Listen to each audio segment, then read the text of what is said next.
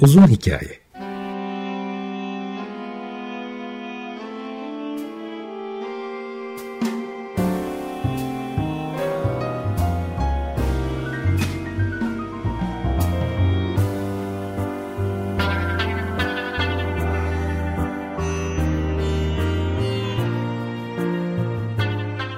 Hazırlayan ve sunan Muzaffer Çorlu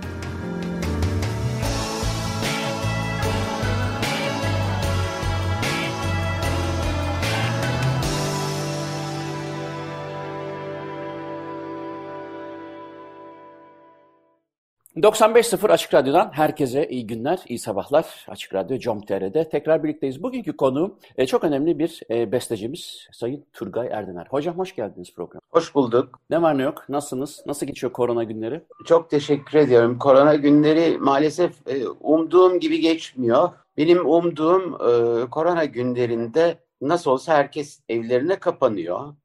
Dolayısıyla ben de kapanıyorum. Kapanmak benim için aslında çoğunlukla iyi bir şeydir. Ee, bir şeyler yazmak e, için müthiş bir fırsattır. Fakat hiç hesaplayamadığım bir şey e, bu sosyalleşmenin, sosyal e, e, ilişkilerin hayatta çok e, önemli olduğunu kavradım. Çünkü ona ihtiyaç duyuyor insan zaman zaman ve bu beni dekonsantre ediyor tabiri caizse. Evet, bu konuda aslında e, yine sizin gibi üretken kişilerle konuştuğum zaman bu program çerçevesinde herkes e, aşağı yukarı aynı şeyi söylüyor. Yani yazarından bestecisine e, diyor ki aslında korona çok güzel bir fırsat olacak gibi geliyordu başta. E, evet, tabii ki e, herkes artık evdeyim, işte ne zamandır şu romanımı bitiremiyordum, ne zamandır şu eserimi besteleyemiyordum, işte şunu şu şiiri yazacaktım falan. Hepsi yani kusura bakmayın ama palavra olmuş gibi. Çünkü insanlar e, gündelik hayatlarından koptukça aslında konsantre oldukları, sevdiği işlerden de biraz kopuyorlar. Onunla ilgili bir program yapmıştım. Evrimsel biyolojik açıdan biz sosyalleşerek evrimleştiğimiz için aslında fonksiyon etmemiz, çalışmamız için e, o e, bir takım sosyal ilişkilerin devamı mutlaka gerekiyor. A- anladığım kadarıyla siz de bundan muzdaripsiniz. Aynen bu söylediğiniz şeyden muzdaripim gerçekten. Çünkü ben bir de ayrıca sanatçı olarak benim inancım o ki e, sanatçı çevresinden ve gününden beslenir çoğunlukla. E, eskileri de eşeler insanlar şüphesiz ama e, önemli olan e, yaşadığı çağdaki insanlara bir şeyler sunuyor. E, dolayısıyla e, onlarla ilişkileri ilişkilerin çok önemli olduğu bayağı işte ağır bir e, ders olarak e, öğrenilmiş oldu tarafımızdan. Şimdi benim size sormak istediğim, daha doğrusu merak ettiğim bir şey var. Biraz e, hafif bir konuyla başlamak istiyorum. O da birbirimizi e, Twitter aracılığıyla takip ettiğimiz için e, birbirimizin mesajlarını görüyoruz. Ben şeyi çok merak ediyorum. Hemen hemen her gün, yanılmıyorsam her gün, özellikle sabahları, e, bazı yani bestecilerin ya da yorumcuların ya da orkestra şeflerinin doğum ölüm yıl dönümlerini onların e, olduğu ülkelerin diliyle paylaşıyorsunuz. Ve evet. aynı zamanda da bazı eserlerin premierlerini, ilk seslendirilişlerini de veriyorsunuz. Ve bunu yıllardır usanmadan yapıyorsunuz. Neden? Çok merak ediyorum. Ben çok sevdiğim yani çok sevdiğim şeyler onlar o paylaştığım şeyler. Çok sevdiğim şeyi paylaştığım zaman sevgimi paylaşmış oluyorum diye düşünüyorum. Dolayısıyla benim için moral motivasyon açısından çok önemli. Devamlılıkla ilgili bir durum var ve hatta e, seneyi devriyesinde diyeyim o paylaştığım evet. şeyin başka bir eseri de paylaşabiliyorum. Yani hep aynı şeyleri, aynı kalıpları e, uygulamıyorum ve yani müzik tarihinden seçtiğim, beğendiğim besteciler o gün doğum günleri ise doğum günlerini paylaşıyorum. Eğer doğum günü olmayan besteciler varsa ki yani Rönesans, Evet. evet. Yani Rönesans, ön barok, hatta orta çağ bestecileri onların doğum günleri belli değil. Ee, ölüm günleri belli birçoğunun. Onları da ölüm günlerinde paylaşıyorum. Ama hani ölüme ya da doğuma bir gönderme yapmak değil maksadım. Maksadım Tabii. sadece o besteciye gönderme yapmak. Ve bunun dışında bir de premieri yapılmışsa eğer biliniyorsa bu 220 yıl önce premieri yapıldı bu eserin diye o eseri yayınlamak istiyorum. Bu müzik tarihi bu. açısından tabii çok önemli. Benim açım benim açımdan şöyle bir güzelliği var. Ben sabahleyin e, erken kalkar ve çalışmaya başlarım. Yani benim beş buçukta e, gam arpejler başlar gitarla. ve 8 civarlarında bir ara veririm kahve falan. O arada e, bakarım ve görürüm ki yine Turgay Hocam e, hangi İtalyan bilinmez besteciyi e, bir hatırlatıyor falan. Benim çok hoşuma gidiyor. Umuyorum siz takip edenler de bundan keyif alıyordur. Ben bunun bir de e, yararlı olduğunu da düşünüyorum. O yüzden e, hem e, takip edenler adına da bu yaptığınız hizmet için de teşekkür ederim. Çünkü gerçekten de aa doğru ya böyle Giovanni Battista Pergolesi diye bir adam vardı. İşte herkes işte bir eseriyle bilir gerçi ama değil mi? O da 28 yaşında falan ölmüş bir adamdır. Onu bir onu bir hatırlar gün, gündelik koşuşturmada aslında hayatımızda önemli yerleri olan bu tür insanları e, hatırlamanın güzel bir enerjiyle güne başlamanın e, sebebi oluyorsunuz. O yüzden harika bir fikir. Bence devam edin, bırakmayın ama nasıl bir donanımınız var? Her gün açıp bakıyor musunuz yoksa Hani bir bir reminder'ınız mı var? Tık diyor ha bugün şunlar olmuş ya da aklınıza tuttuğunuzu sanmıyorum bu kadar kişiyi. Her gün bakıyorum. Yani ben e, aslında e, belki de hani 3-4 yaşımdan beri sürekli ansiklopedi karıştıran bir insanım. Hı hı. Yani e, okuma yazmayı dahi o ansiklopedileri karıştırarak öğrendiğim şeyinde e, iddiasında annem öyle diyor. Öyle? E, dolayısıyla bu alışkanlık bende. E, işte bir zamanlar e, belki şeylerim, ilgi alanlarım farklıydı. Başka şeyler karıştırdım. İşte coğrafyayla çok ilgiliyimdir, çok meraklıyımdır. Harita karıştırırım. Yani işim bu aslında benim. Hı hı. E, o sebeple hani bir reminder vesaire öyle bir ihtiyaç duymuyorum. Hı hı. E, yararlandığım bazı kaynaklar var tabii. Ve e, prensip olarak da e, Wikipedia'yı kullanıyorum hep. Wikipedia'nın e, besteciye ilişkin verdiği ilk bilgileri kullanıyorum. Eğer mümkünse kendi dilinde kullanıyorum. Evet. Söz gelimi Katalan bir besteci ise ben onu İspanyolca vermeyi değil Katalanca vermeyi Anladım. tercih ediyorum. Ee, bu sade, basit bir seçim yani. Çok önemli bir politik dayanağım yok onunla ilgili. Anladım. Gayet de hoş. Ama tabii, e, bazı şeyler var, diller var ki alfabeleri çok e, e, dünyanın benim olduğum kısmına çok yabancı. Çin, Japon, Birmanya, Arap alfabesi falan gibi. Onları e, herhangi bir alfabeyle seçerek yapıyorum. Yani onlar iyice anlaşılmaz olacak çünkü. E tabii biraz zorlaştırır. Şimdi e, dediğim gibi ben sizin groteskinizi seslendirdiğim için biliyorum grotesklerinizi. E, zaten e, Ahmet Kanneci de sizin eserlerinizden albüm yapmıştı yıllar evvel. Onu da biliyorum. Fakat bir gitarist gözüyle değil de bir besteciye şu soruyu sormak istiyorum. Öncelikle tabii sizin birçok formda eseriniz var. E, büyük orkestralar, oda müzikleri, solo, konçertolar değil mi? Klarnet konçertonuzu da dinledim. Yıllar önce çok beğendiğim birinci senfoniz, senfoninizi de çok beğeniyorum. Fakat e, gitar için yazdıklarınıza da ayrı geleceğim ama şimdi büyük e, tüm formlarda neredeyse eser vermiş bir besteci olarak ben işi birazcık Türkiye'ye getirmek istiyorum. Bir besteci olarak. Bu bizim Türk best beşleri dediğimiz e, bestecilerden sonra bir besteci e, ekolünden bahsetmek mümkün mü? Bu Türk beşleri kaldı ki belki de bir birinci sorunun B kısmı olarak da Türk beşleri demekte de haklı mıyız? Doğru bir betimleme midir bu? Doğruysa eğer bu beşlilerden sonra bir Türk besteciler ekolü size göre var mı? Evet, şimdi bu Türk beşleri e, sözcüğü benim bildiğim kadarıyla e, yanlış anımsamıyorsam Halil Bedi yönetkenin yakıştırdığı bir şey. Hı hı. Ve bu Türk beşleri diye anılan bestecilerin hiçbiri de buna e, bunu doğru bulmuyorlar. Ben de doğru bulmuyorum. Hı hı. Çünkü e, bu bir ekol tanımlaması aslında. Tıpkı hani Rus beşlerinde olduğu gibi. Belki de oradan öykünerek yaptılar bunu aslında. Ee, bir ekol oluşturmuyor bu besteciler. Çünkü hani e, bir e, ekol deyince bir manifestasyon bekliyor insan.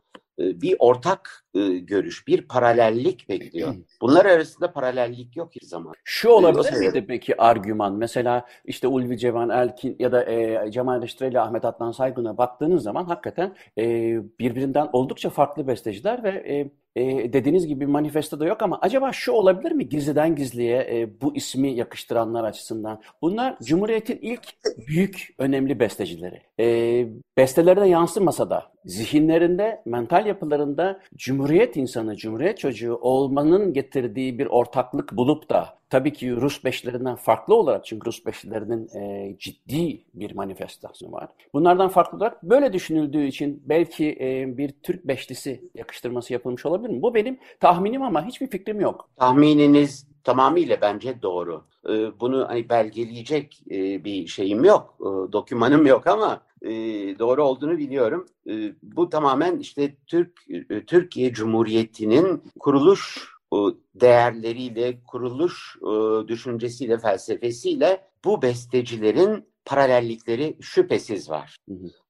Bunu zaten yazdıkları eserlerde de görüyoruz. Ama bir ortaklıkları ve yani ekol denen şeyin manasını düşündüğümüz zaman Fransa'da mesela Lesiz diye bir grup var. Hı hı. Bu Lesiz gerçekten ortak manifesto üreterek ortaya çıkmış insanlar. Dolayısıyla bir ekol oluşturuyorlar. Ama Türkiye'de böyle bir çaba olmadı. Dediğiniz gibi tamamen yakıştırma bence. Peki ne oldu da bu beşli olarak kaldı? Niye altıncısı yok? Bu Cumhuriyet e, kazanımları ya da Cumhuriyet'in manifestasyonu nasıl algılanıyorsa bu algılama bitti mi? Yeter artık bu kadar Cumhuriyet artık başka bir sisteme mi geçelim dendi? Niye yok? Be beşli de kaldı. Beş tane mi bestecimiz var? Evet, bu çok spekülatif bir şey oldu bence cümle oldu. Yani bir sürü yere çekilebilir bu. Ee, ne bileyim cevap bir yere çek, çekin diye size zaten bir pas attım. Anladım. Ee, yani çok e, e, şimdi aslında bu beş besteciyle birlikte başlayan bu devrimsel süreç Ankara Devlet Konservatuarı'nın e, himayesinde uzun bir müddet yürüdü. E, İstanbul'da sadece Cemal Reşit Rey Hoca e, kendi başına bir e, ne diyeyim e, besteci olarak kaldı. Onun diğerleriyle çok fazla irtibatı bildiğim kadarıyla yok. Oysa diğerleri Ankara Devlet Konservatuarı'nda öğretmenlik yaptılar. Hı hı. dolayısıyla bu biraz sürdü ve onların öğrencileri olarak daha sonradan işte bizim gördüğümüz İlhan Osman Baş'tan, Muammer Sun, İlhan Baran, Cengiz Tanç gibi adını sayacağımız birçok besteci bu hocaların öğretileriyle büyüdü ve dolayısıyla bir devamı söz konusu bunların elbette. Hı hı. Ama o ilk beş besteci e, hani Türk gibi başla e, evet. diye bir şey var ya böyle başlamış. Yani sonrasında ilgi bence yok olmuş. Hı hı.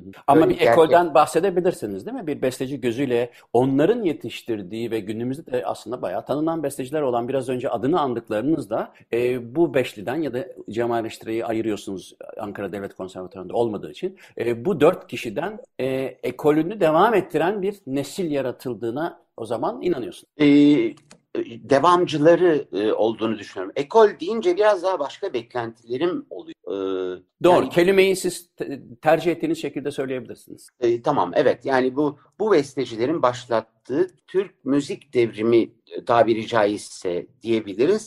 E, çağdaş Türk müziği besteciliği sürdürüldü. Fakat tabii çok e, istenildik e, yerlere vardığı kanısında ben çok değilim. Hı hı. Peki. E, Birçok problem yaşandı. O problemlere de dilerseniz geliriz. Kaldı ki o e, tahmin ettiğim problemler sanıyorum günümüzde daha da ayyuka çıkmış olmalı. Orayı da isterseniz açabiliriz. Elbette. Ama şimdi ben size e, bestecilikle ilgili bir iki sormak istiyorum. Bunlardan bir tanesi e, kelimeleri gene e, doğru e, e, anladığımızdan emin olarak devam edelim tabii ki. Bestecilik ne kadar ideolojik bir üretimdir? Evet yani... E bestecilik tamamıyla ideolojik bir üretimdir bence. E, düşünceye dayalı bir şey bu çünkü. Yani sadece duygudan, duyguyu düşünceden soyutlayamazsınız. Bir bestede e, hem duygu vardır hem düşünce vardır. E, sadece duygu olması durumu ancak hani caz gruplarında belki mümkün olabilir. Çünkü orada improvizasyon denen bir şey var ve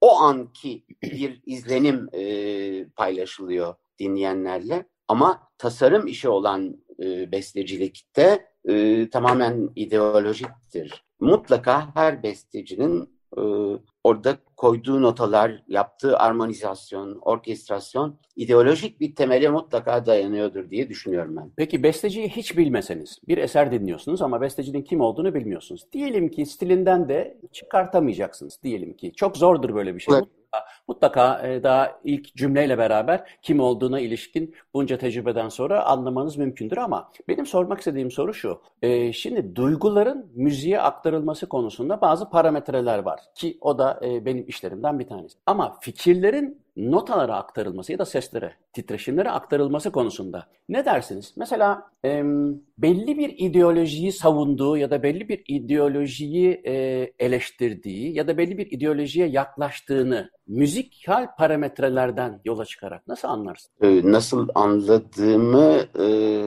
Yani bestecinin kendisi midir mesela ana e, ipucu? Örneğin Shostakovich dinliyorsanız e, tamam bir stilinden onun Shostakovich olduğunu anlayabilirsiniz. Ama e, bir o kadar da Shostakovich'i tanıdığınız, bildiğiniz için, onun ideolojisini bildiğiniz için böylece o eserin, duyduğunuz eserin Shostakovich'i bilmekten dolayı ideolojik olarak da size o şekilde tınladığını söylemek mümkün müdür? Ya da siz nasıl ayırırsınız? Bunu çok merak ediyorum gerçekten.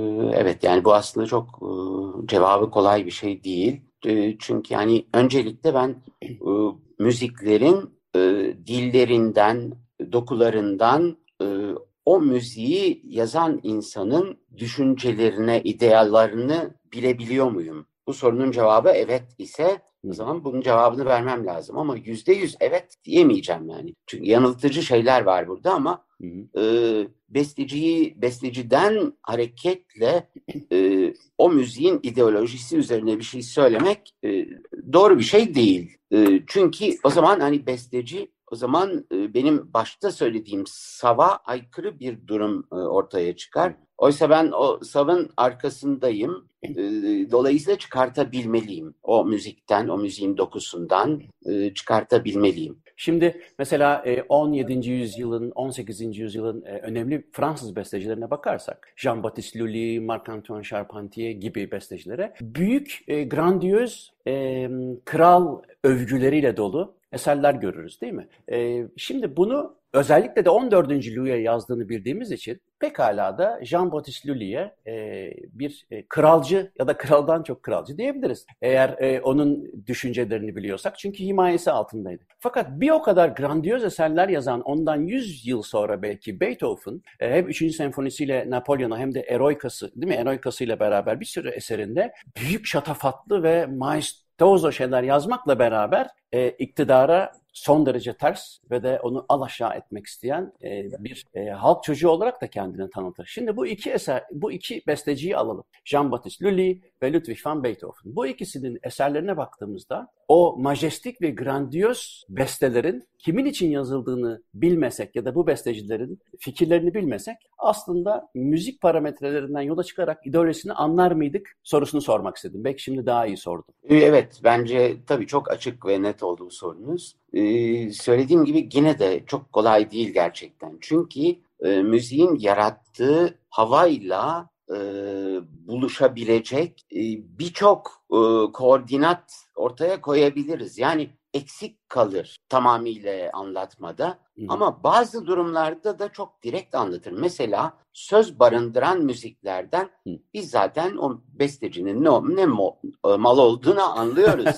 hani e, işte Handsen'in mesela bu domuzlar üzerine bir deneme diye bir şeyi var. Bir e, sözlü bir müziği var. Mesela orada e, Che Guevara, Castro falan işte domuzlar körfezi çıkarması vesaire bunlar anlatılıyor. Biz oradan anlıyoruz ki e, Hentze budur. E, onu anlamak çok net. Ama onun dışında salt müzik, pür müzikten bunu anlamanın çok kolay olduğunu düşünemiyorum. Yani zorlanıyorum bunu ifade etmekte. Hı hı. Ama bir miktar anlayabileceğim e, ipuçları barındırdığını biliyorum ben.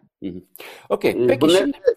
açıkça söyleyebilecek bir e, şeyde durumda değilim. Öyle bir durumda olduğum an zaten açıkça söylerim. Tamam o zaman sizi tekrar bağlarız ve onu ayrıca konuşuruz.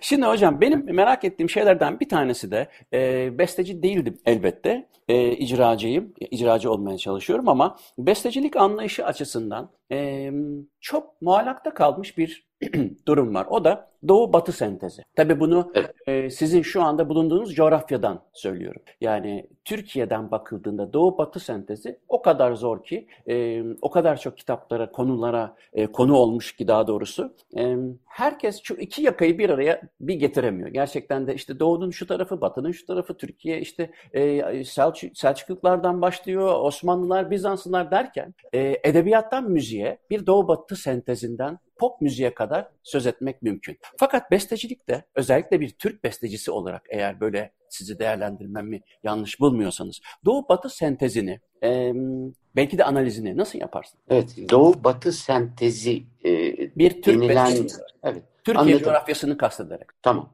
E, bunun böyle bir şeyin sipariş olarak yapılması durumunun çok e, hatalı olacağını düşünüyorum. Hı hı. Bu çoğunlukla sipariş olarak yapılan bir şey olarak karşımıza çıkıyor. Doğu Batı sentezi.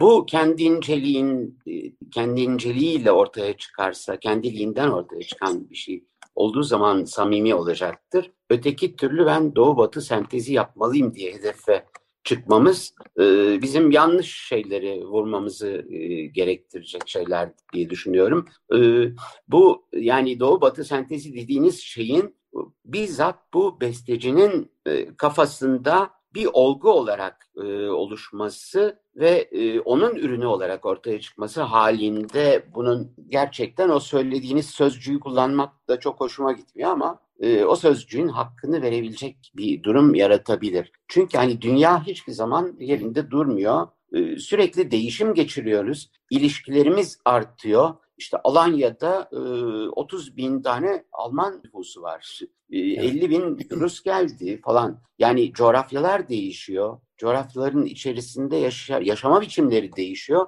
O zaman haliyle e, doğunun batıya, batının doğuya karışması bir şekilde sosyolojik olarak e, sür, sürgit e, devam ediyor. E, o zaman e, kendiliğinden çıkması gerektiği düşüncesindeyim ben bu tür şeylerin. E, bir takım siparişlerle, yapay e, e, usullerle çıkmasının çok doğru ve hoş sonuç, has sonuçlara e, sebep olacağını sanmıyorum. Peki şimdi sizin bestelerinizden bir tanesini e, eğer izin verirseniz ben e, seçmek isterim bir soluklanmak adına. Ama ondan önce bir bir şey sorayım. E, müzik akademisyenliği ile ilgili bir soru sorayım. Ondan sonra sizin e, groteskinizi sevgili Ayşegül Koca'dan dinleriz. O da çalmış, güzel çalmış. E, ama önce müzik akademi, akademi dünyasını diyelim. Akademi, akademiyayı nasıl buluyorsunuz? Türkiye'de e, nasıl gidiyor müzik sizce? Evet, tamam. E, şimdi 1980 deki 12 Eylül darbesiyle birlikte YÖK diye bir kurum ortaya çıktı. Yüksek Öğretim Kurulu. Yüksek Öğretim Kurulu bütün e, yüksek okulları, üniversiteleri bünyesinde barındırmaya başladı ve bir anayasa maddesi olarak da yüksek okullar YÖK'e bağlı olarak eğitim faaliyetlerini sürdürürler diye bir yasa maddesi ortaya çıktı. Ve o sıralarda konservatuara soruldu. Denildi ki ey konservatuarlılar e, siz konservatuarda e, eski statünüze devam etmek ister misiniz? Yani Kültür Bakanlığı çatısındaydık. E, üniversitelere bağlı değildik. Yoksa üniversitelere bağlanmanız gerekecek. Seçin, beğenin falan gibi. Tabii ne kadar seçim şansı olduğu, ne kadar e, konservatuara bir özellik tanıdılar onu ben bilemiyorum. O yaş, o, o sıralarda ben çok gençtim e, ve bu tür e, yönetim kademeleriyle hiç alakam yoktu. Ama bir şekilde konservatuar Hacettepe Üniversitesi'nin elinde kaldı. O sıralarda oysa şöyle şeyler de söyleniyordu. Konservatuar ODTÜ'ye de bağlan bağlanabilir. ODTÜ istiyor konservatuarı falan. Böyle şeyler de vardı. Fakat biz e, gelenekçi bir okula bağlanmış olduk. Konservatuarın ben üniversiteyle hiçbir e, uyum içinde, hiçbir zaman uyum içinde olduğunu düşünmüyorum. Bundan sonra da böyle olacağına çok inanmıyorum. Konservatuarlara çok zarar verdi bence üniversiteler ve gerçek anlamda bir akademiya diyeceğimiz bir şey oluşmadı. Tam tersine e, çok tuhaf bir takım gömlekler biçildi konservatuara ve e, öncelikleri değişti insanların. Şimdi ben nesine inanayım ki akademiyada işler iyi gidiyor, kötü gidiyor falan diyeyim. Pek diyecek bir şeyim yok doğrusu. Konservatuarın doğal hiyerarşisi bozuldu bambaşka üniversiteye özgü bir durum kazandı. Benim üniversitede tek umut ettiğim bir şey vardı. Üniversiteyle birlikte olmamız bizim üniversiteye birçok şeyi anlatabilmemizi, dolayısıyla oradan belki müzik sever, bale sever, tiyatro sever bir sürü insanın ortaya çıkmasına destek olabilir bu durum diye düşünüyordum. Ama maalesef o da gerçekleşmedi. Yerleşkemizin farklı olması sebebiyle olabilir. Ee, yani böyle vahim buluyorum doğrusu ben Türkiye'deki akademiya dediğiniz şeyi. Yani günümüzde de hala bu YÖK'ün e, yüzünden diyelim size göre e, müzik akademiyası aslında istenilen yerde olmaktan çok uzak. Ben uzak olduğunu düşünüyorum. Çünkü hani müzik akademiyasından murat edilecek şey ne olabilir? Müziğin e, araştırılmasını sağlamak, müziğin ilerlemesiyle ilgili bir takım kanalları açmak ve müzik e, alanları arasında beraberlikleri daha da pekiştirmek, ileriye götürmek ya da sanatlar arasındaki e, ilişkileri ileriye götürebilmek olabilir. Bu tür şeyler asla olma, olmuyor, olmadı. Herkes can derdine düştü. Can dediğim herkes profesör, doçent, doktor. Yani bunların peşine düştü herkes. Yani bir konservatuar düşününüz. O konservatörün mezunları arasında en iyi olanlar zaten müzikle meşgul olmak için daha ilerilere gidiyorlar. Ee, ama çok iyi olamayanlar konservatuarda kalıp e, akademik e, ilerlemelere e, gözlerini dikiyorlar. E, o zaman bu çok doğru bir seçim zaten yapılmış olmuyor bence. Çünkü hiçbir zaman cazip olmuyor konservatuarda e, öğretim üyesi vesaire bu tür kimlikleri almak. Peki hocam şimdi sizden e, bir grotesk dinleyelim klasik gitar için yazdınız. Sonra sohbetimize devam edelim. Evet Turgay Erdener'le birlikteyiz. Biraz önce onun klasik gitar için yazdığı Grotesk'i dinledik. Hocam şimdi size soracağım tabii birçok soru var ama e, elemeye çalışıyorum süremiz yetsin diye. Onlardan bir tanesi de orkestra şefliği. Ben Türkiye'de orkestra şefi kıtlığına inananlardan e, birisiyim ya da onlara katılıyorum. E, siz de katılır mısınız? Eğer öyleyse nedir bu e, orkestra şefi yetiştirme sorunu? Varsa da size göre de. Evet tabii orkestra şefi yetiştirme sorunu yüzde yüz var. Şimdi orkestra şefliği öyle bir e, olay ki orkestra şefinin öncelikli olarak daha orkestra şefliği eğitimine başlamazdan önce kompozis bir çalgı çalıyor olması gerek. Ee, Burada üç tane. Yani bir ana iki yardımcı saz gerekiyor ki e, orkestra şefliğinde devam edin. Yani burada dediğim Tabii. Almanya'da, Belçika'da falan. Evet yani e, bu zaten şeflik bölümlerinde ikinci çalgı gibi bir takım dersler de var. Bir tane mutlaka yaylı çalgı çalmak zorunda. Yaylı çalgı orkestranın bel kemiğidir. Bir tane nefesli çalgı çalmak zorunda ve piyano mutlaka çalmak zorunda ve iyi düzeyde çalmak zorunda. Çok iyi solfej e, eğitimine sahip olması gerekir ve armoni, kontrpuan, füg gibi temel öğretilerin öğretilerden de çok haberdar olması gerek. E, yani çok zorlu bir e, yol. Bir nevi hani kompozisyon eğitimi de olması gerek. E, dolayısıyla insanlar bu tür e, eğitimlere girmekte hep kork korku korkarak davranıyorlar.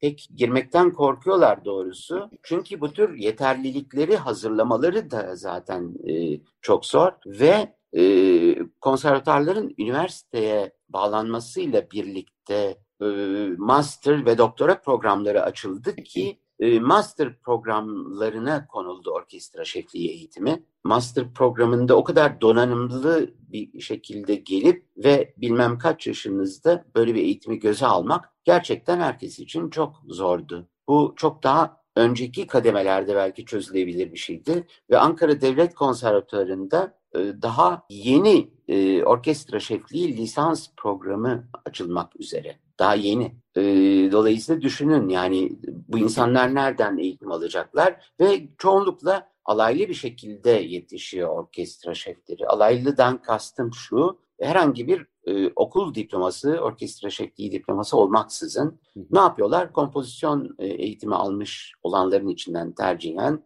ya da işte keman mezunu orkestrada çalıyor. İşte kurslara gidiyorlar. E, İtalya'da yaz kursu, İngiltere'de yaz kursu. O tür şeylerle kapatmaya çalışıp oradan yürümeye çalışıyorlar. E, bu da çok hani e, eski sözcükte meşakkatli bir iş. Buna da herkes katlanamıyor. Bir de orkestra şefliği denilen e, makam zaten tiranik bir makam. E, oradaki insanı da e, orkestracılar ya çok e, ensesine vurabilecekleri bir insanı almayı tercih ediyorlar. E, öteki türlü e, despot bir şefse onu bir an evvel başlarından atmaya çabalıyorlar. Yani çok zor bir e, şey mevki e, diyeyim. Yani ancak bu yıllardan sonra biraz daha bunun e, önünün açıldığı gibi bir e, sezgim var. E, yavaş yavaş bu alanlarda sanıyorum orkestra şefliği alanında da çok iyi insanlar yetişecek. Bunun e, ufak tefek örneklerini e, görmeye başladık.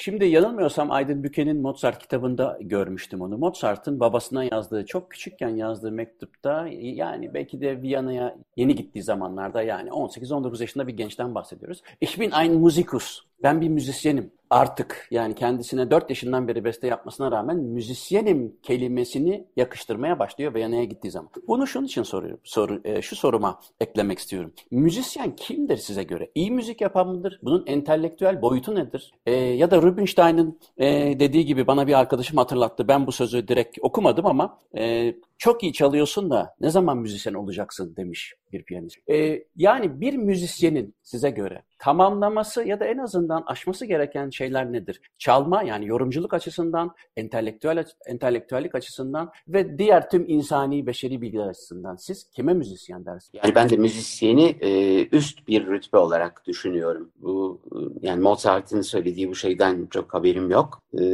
Rubinstein dediniz bir de değil mi? Arthur Rubinstein mi? Evet. Ee, onu da bilmiyorum. Ee, fakat yani üst rütbe olduğunu düşünüyorum gerçekten müzisyenliği. Ee, fakat bunun e, tanımlanması nasıl olur? Şimdi bu alanlarla ilgili şöyle düşüncelerim var. Ee, ne kadar güzeldir, ne kadar hoştur, ne kadar doğrudur bilmiyorum ama söyleyeyim. Ee, Lütfen. Tanınır, e, görülür, görünür olmak, tanınır olmak, sevilir olmak gibi. Böyle üç mertebe e, düşünüyorum. E, görünür olmakla müzisyen olamazsınız. Tanınır olmak da yetmiyor buna. Sevilir olmak denilen o üçüncü rütbeyi taktığınız zaman müzisyen e, oluyorsunuz diye e, düşünüyorum ben. Bu söylediğim şeyler tamamen soyut ama. Hiç hani e, belli koordinatları olan şeyler değil. Ama benim kendi kafamda onu ölçüp biçmek için yeterli e, şeyim var, malzemem var diyebilirim. Ee, en son rütbe olduğunu ben düşünüyorum müzisyen e, olmanın. Yani bir insan e, herhangi bir çalgıyı çaldığı an müzisyendir diyemiyorum. Hı hı. Onun kendine özgü bir durum, unik bir durum yaratmasını bekliyorum açıkçası. Peki Türklerin Türkiye'de e, uluslararası e, dolaşıma girmiş diyelim tırnak içerisinde. Müzisyenleri var mı ya da bir elin parmağını geçmeyecek kadar mı ya da hakikaten bunun e, belirli kriterleri var da e, bu sağlanamıyor mu? Bunu biraz tabii yanlış sorduğumu biliyorum çünkü e, ben buradan baktığım zaman çok yetenekli Türk müzisyenleri görüyorum. Zaten özellikle e, Avrupa'daki okullarda sadece klasik gitar için demiyorum. Ben klasik gitarı tabii çok daha iyi tanıyorum ama e, özellikle e, master ve üstü doktora için gelen özellikle klasik gitarcı e, çok iyi yetişmiş olduklarını, çok istekli olduklarını düşünüyorum ve burada da hakikaten de e, alıp da götürüyorlar. Yani buradaki okullar da onlardan çok memnun. Ama bunu bütün sazlara e, genelleyecek bir e, bilgim yok açıkçası. Fakat e, benim kastım daha çok artık sanatçı olmuş ya da demin sizin söylediğiniz görünür, tanınır ve sevilmiş müzisyenlerin diyelim. E, dünyadaki tanınırlığı bilinirliği, ve sevilmişliği var mı? Gerçekten bir e, uluslararası alana yayılmışlığı var mıdır Türk müzisyen? E, bunun e, çok böyle organize bir şekilde olduğu düşüncesinde değil. Var şüphesiz insanlar. E, çok insanlar var ve dünyanın da e, bir şekilde onları kabul ettiğini görüyoruz. Fakat e, bu e, ülkemin hiçbir desteği olmaksızın olan bir şey. Halbuki bütün dünyada ülkeler kendi sanatçılarını, kendi e, ressamlarını, müzisyenlerini desteklerler. E, bu ülkemde maalesef öyle değil. Hele bugünlerde iyice tam e, ters yüz olmuş şekilde birçok alan. E, yani bu alanda bence çok tanıtıma, desteğe e, ihtiyaç var. Tek başına bir insanın e, çok iyi piyano çalıyor olması onun e, uluslararası dolaşımda müzisyen olmasını maalesef sağlamıyor. E, bu tabii hani belki kapitalist dünyada da e, ilişkileri belirleyen başka şeyler var. Ajanslar vesaireler falan filan. E, öyle bir yerde olmadığınız zaman hayatta olmuyorsunuz gözüyle bakıyor belki birçok yer. Ben tabii bu ilişkilerden çok haberdar bir insan değilim. Hele ki pandemi sırasında e, herhalde 20 günde bir sokağa çıkıp bakkala gittim geldim o kadar. Ee, tabii ki internet vesaire gibi şeyleri kullanıyorum malzemeleri ama orada istediğim şeylere bakıyorum ben. Ee, dünyanın nasıl aktığıyla ilgili e, şeyleri yani müzik alanında öyle çok gözetmiyorum. Yani çok fazla bilgi sahibi değilim aslında. Benden çıkacak lafların da çok doğru olacağını sanmıyorum. Peki e, o, seyirci tarafına bakalım o zaman. Mesela e, dediniz ki ki ben de katılıyorum. E, YÖK'le birlikte oluşan yeni e, bakış açısı diyelim e, konservatuvarları ya da işte sanat e, eğitimini birazcık daha e, zorlama üniversiter akademik yapıya e, uydurmaya çalıştı ve bunun da e, negatif sonuçlarını çoklukla gördük dediniz programın başlarında. Şimdi e, seyirciye bakacak olursak yani müziği tüketecek olan, gidip dinleyecek olan, e, plakları, CD'leri neyse alacak olan ya da e, internetten indirecek olan seyircide bir fark var mı? Şimdi siz e, yıllardır müziğin içerisinde içerisindesiniz. Önemli bir besteci olarak e, yarım yüzyıldır gözlemliyorsunuz. E, bir seyirci kitlesinde müziği tüketen, tüketen kelimesi biraz e, irite ediyor biliyorum ama e, alan diyelim. E, o e, insanlarda bir fark görüyoruz. O da değişti mi? Ya da o değiştiyse eğer onu da YÖK'e bağlamak mümkün mü? Ya da Türkiye'nin gelişen, değişen sosyolojik yapısıyla mı ilişkili? Ee, şimdi bunun üzerine gözlemlerim çok fazla değil ne yazık ki ama e, değiştiğini düşünüyorum ben. Bu o, internetin olumlu e, bir takım yansımaları olduğu düşüncesindeyim. Çünkü insanlar kendilerince özgürce e, girip bir takım aramalar yapıp bir takım beğenilere sahip olduğunu e, gösterebiliyor falan. Bu 1980 öncesi için biraz hani e, devlet politikasının e, azıcık el üstünde tutmaya çalıştığı bir alandı bu alan. E, fakat 1980 sonrasında bu biraz dönüştü, değişti. E, bu ekonomik sistemimizin değişmesiyle ilişkili bir şey olsa gerek. E, ben olumlu şeyler görüyorum doğrusu. Diğer e, alanda e, olduğundan daha farklı olarak ve onun dışında e, müzik alanları, müzik türleri birbirlerine biraz yakınlaştı. Eskisi gibi değil artık. Söz gelimi bir kanun sanatçısı e, gelip bu senfonik orkestra çalgıları ile birlikte nasıl çalabilirim? Ben burada nasıl yer alabilirim? Ya da onları bizim aramıza kattığımızda neler olur? Bunlar merak edilen noktalar oldu artık eskiye göre. Bu tabii olumlu bir şekilde yansıyor diye düşünüyorum ve e, bunun korelatif bir şekilde daha da fazla e, inanılmaz e, artarak süreceği düşüncesindeyim bu merakın. Peki internetin bir internet vasıtasıyla anlaşıyor olmamız artık. Pandemi de bunu inanılmaz arttırdı. Çünkü e, müzisyen arkadaşlarıma bakıyorum konserler de azaldıkça online işte bir şeyler yapılıyor. Fakat müzik dinleme çoğunlukla artık müzik paylaşım sitelerinde oluyor.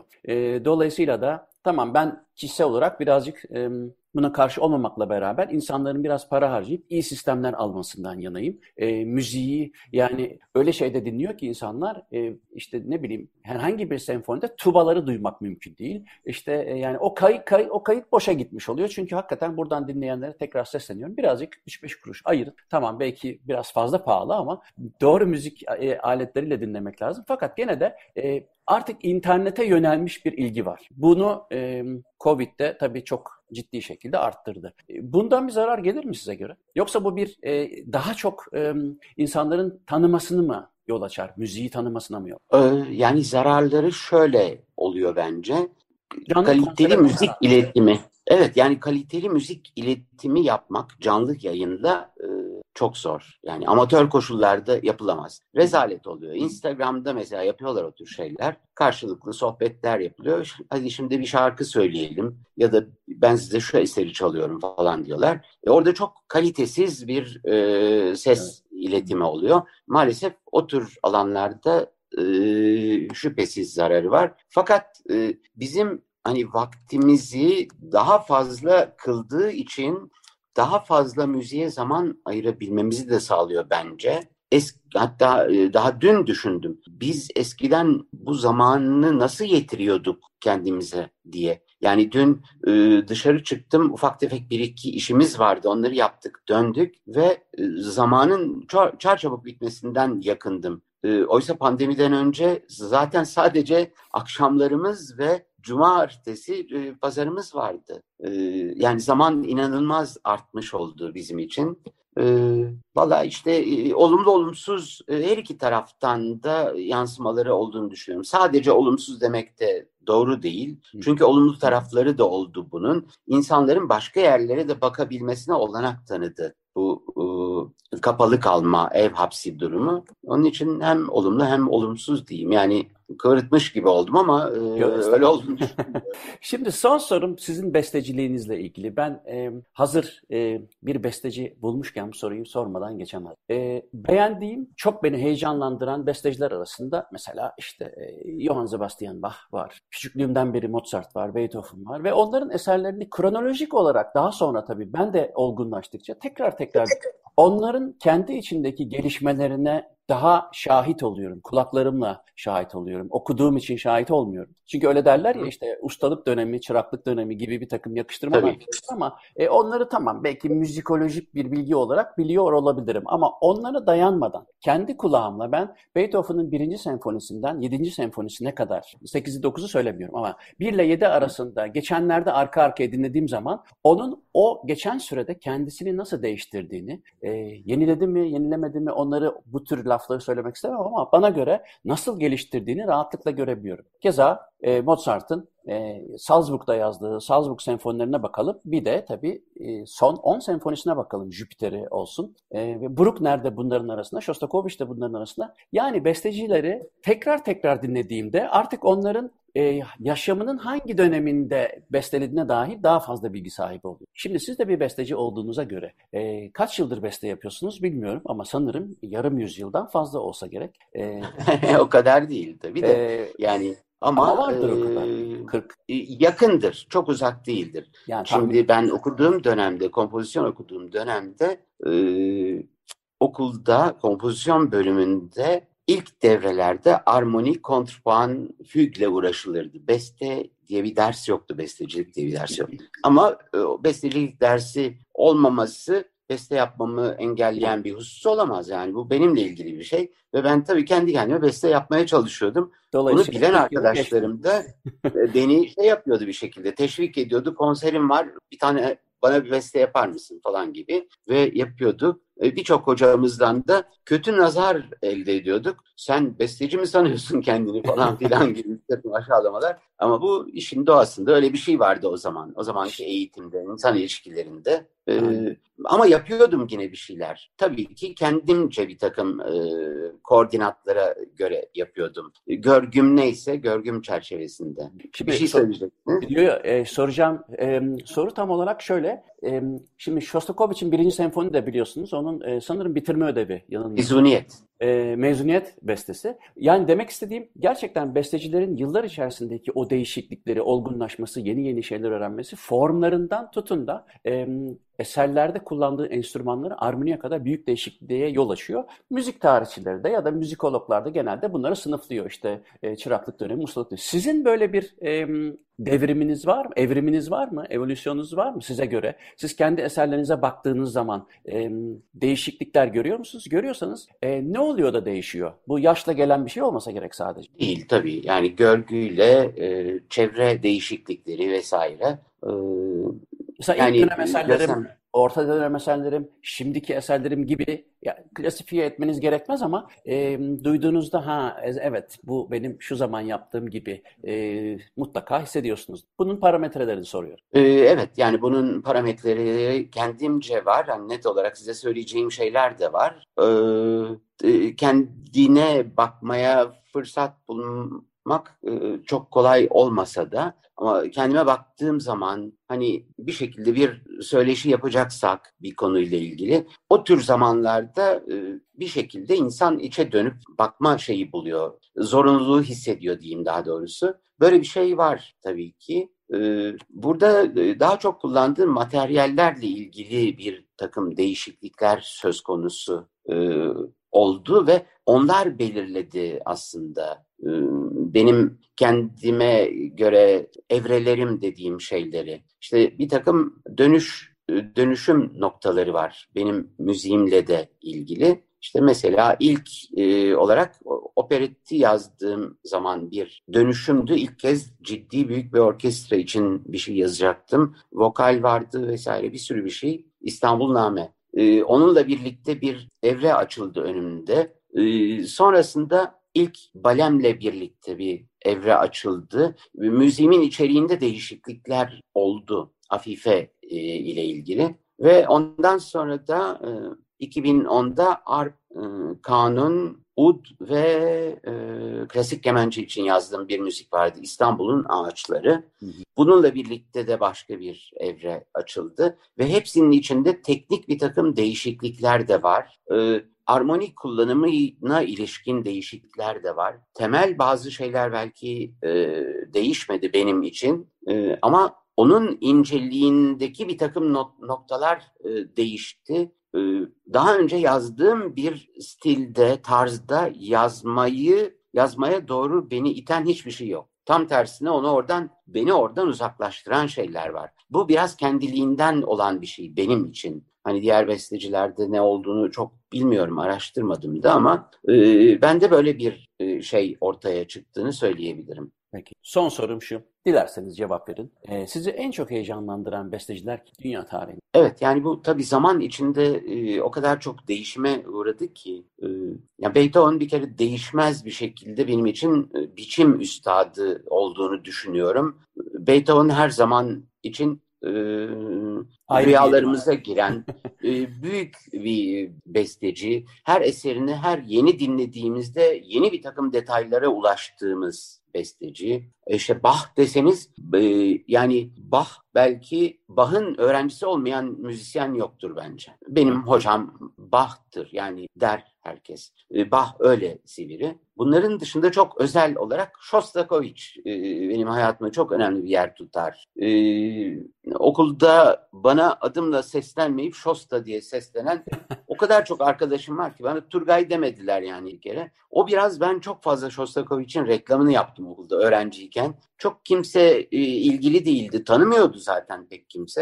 E, bir şekilde hani Shostakovich sözcüğünü duyar duymaz ben akıllarına gelir oldum. Çünkü onlara onu şey yaptım, öğrettim. Shostakovich'i dinlettim falan. Hatta e, ben neredeyse her yıl piyano dersinden bütünlemeye kalırdım. E, çalışkan bir öğrenci değildim hiçbir zaman piyano bölümündeyken. Kompozisyona geçtiğimde de piyano kompozisyonda tekrar esas ders oldu ve yine zorlu yıllar başladı. Fakat lise 2'de her nasılsa kompozisyon şeyden um, piyano dersinden geçtim. Fakat müzik tarihi dersimiz var. Gültekin Oransay hocamız. Hmm. Gültekin Bach Hoca dedi yazdığı ki, kitabını hatırlıyorum değil mi? Bach kılavuzunu yazmış. Ha, evet evet. Yani çok ıı, güzel yayınları vardı hocam. Ama onun dili dili çok e, yenilikçi bir Türkçe kullanıyordu. E, değil mi? Oransayca. E, evet, ora, evet ben hani şey gibiydi. Hatırlıyorum Elçin e, küçük so için Elçin yani böyle anlamakta çok zorlanmıştım. Hatta ben e, kılavuzu kitabının içine küçük bir kılavuz yapmıştım. Bach kılavuzu kılavuzu diye. 30 sene önce. doğru doğru. Şimdi mesela şeyin Klausen Bien Tampere'nin e, evet. Tekin Oransayca adı iyi yedirimli. yedirilmiş elçin. İyi yedirilmiş elçin. Evet ben de onu yazmıştım. Vol temperature de clavier demek istiyor için, diye burada hoca. ha, ön yazınlar ve evet, e, evet. Füg diyordu galiba. Şimdi Füg'ü hatırlayamadım da. Ee... Küçük do, küçük so değil mi? Yani sol Tabii. minör mesela küçük so. Yani Tabii enter... öyleydi. Evet. evet. Ve CD onu hiç kimse uzun e, e, e, devam ettirmedi yani o galiba. Onu devam ettiren oldu bazı. Oldu mu? Mesela Ertuğrul Özfrat, tabii Ertuğrul Özfrat, e, Gültekin Orhan Say'ın e, dil dünyası gibiydi onun da dil dünyası. O sürdürdü bayağı. E, yani onun kullandığı terimlerde Q diyor o da mesela. Q, Q ta evet. Q sanat. Q, Değil mi? Evet, evet, evet. Hatta onun evet. bir kitabı var. Evet, Q sanatı. sanat. Evet. Ee, şimdi anımsayamadım onu. Yapık Kredi yayınlarından çıkmış bir şeydi, e, eserdi. Neyse ben şunu anlatmak istiyordum aslında. Oradan saptım. Ee, Yok, ben saptırdım. Hocamız... Orhan Say deyince Yok, aklıma ben... onun kullandığı dil geldi. O yüzden konuyu saptırdım. Buyurun. Doğru o es geçilecek bir şey değil aslında. Bizim müzik tarihimiz içinde çok önemli bir şeydir e, bence. Tabii, tabii.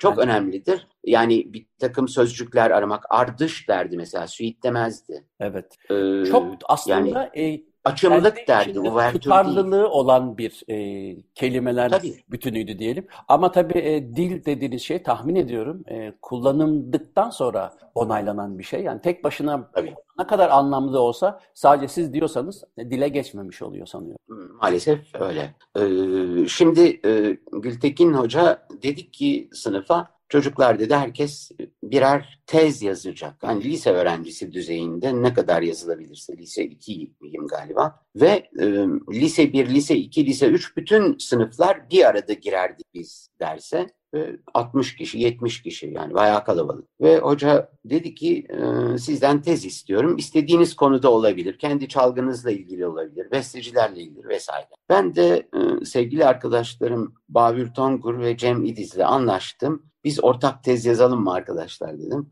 Tamam yazalım dediler. Çok hevesliyiz yani. Hoşumuza gidiyor böyle şeyler. Zaten bir sürü yayın karıştırıyoruz. Okuyoruz, çiziyoruz, yazıyoruz. Ee, sınıfında en e, haliyle en ileri öğrencileriyiz. Kompozisyon bölümü yani. Bir sürü teferruatla uğraşıyoruz. Hocaya gittik söyledik. Hocam biz ortak tez yazmak istiyoruz. Tamam kabul dedi. Sadece cüssesini ona göre düşünün dedi. Ee, ve biz Shostakovich ile ilgili kocaman çeviri yaptık ve işte 5. senfonisi ile ilgili analiz yaptık kendi kendimize. Bunun dışında dünyada piyano çalarlıkla ilgili e, piyanist değil piyano çalar derdi hoca. Piyano çalarlıkla ilgili bir araştırma, ünlü piyano çalarlar vesaire. 180 sayfalık bir tez yap. Ee, ben arkadaşlarımız da gördük bu arada. Onlar da hani 4 sayfa, 5 sayfa, en babası 10 sayfaydı belki. Yani şimdi hatırlamıyorum net olarak ama bizimki anormal bir şeydi yani. 180 sayfa kitap gibi ve hala duruyor onlar bende. Harika. Bu 180 sayfalık tezi hocaya götüreceğiz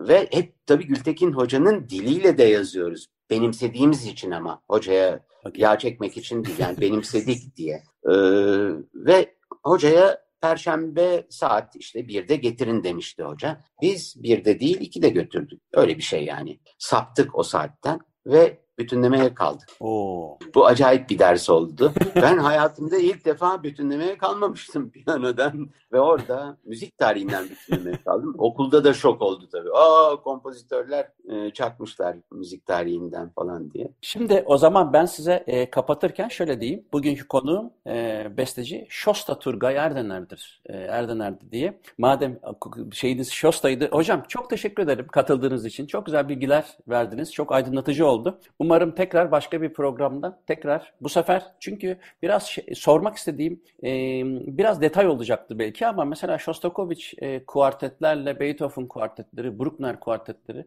e, güzel burada çarpıştırırdık, güzel eğlenirdik diye düşünüyordum ama program bitti maalesef. Ben evet, sizi yani. bilmiyordum mesela Bach, Beethoven ve Shostakovich'in üç sizi heyecanlandıran besteci olduğunu. Benim de ilk onumda kesinlikle var üçü. E, dolayısıyla oradan da aslında çok güzel şeyler konuşulmuşuz ama bir dahaki sefere diyelim. Çok teşekkür ederim katıldığınız için. Ben teşekkür ediyorum. İyilikler diliyorum. Esenlikler diliyorum. Teşekkür ederim. E, bugünkü konuğum Turgay Erdener'de bana ulaşmak için Muzaffer Corlu Gmail adresine yazabilirsiniz. Program ayrıntılarını Twitter'dan öğrenmeniz mümkün. Programın podcastini Spotify ve YouTube'dan takip edebilirsiniz. Haftaya görüşürüz. Hepinize günaydın.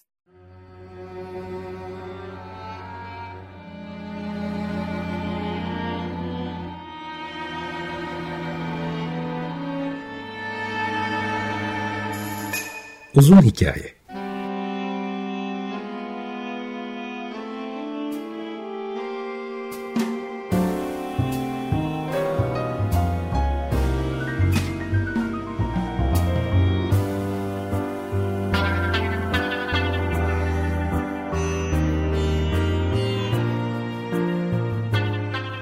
Hazırlayan ve sunan Muzaffer Çorlu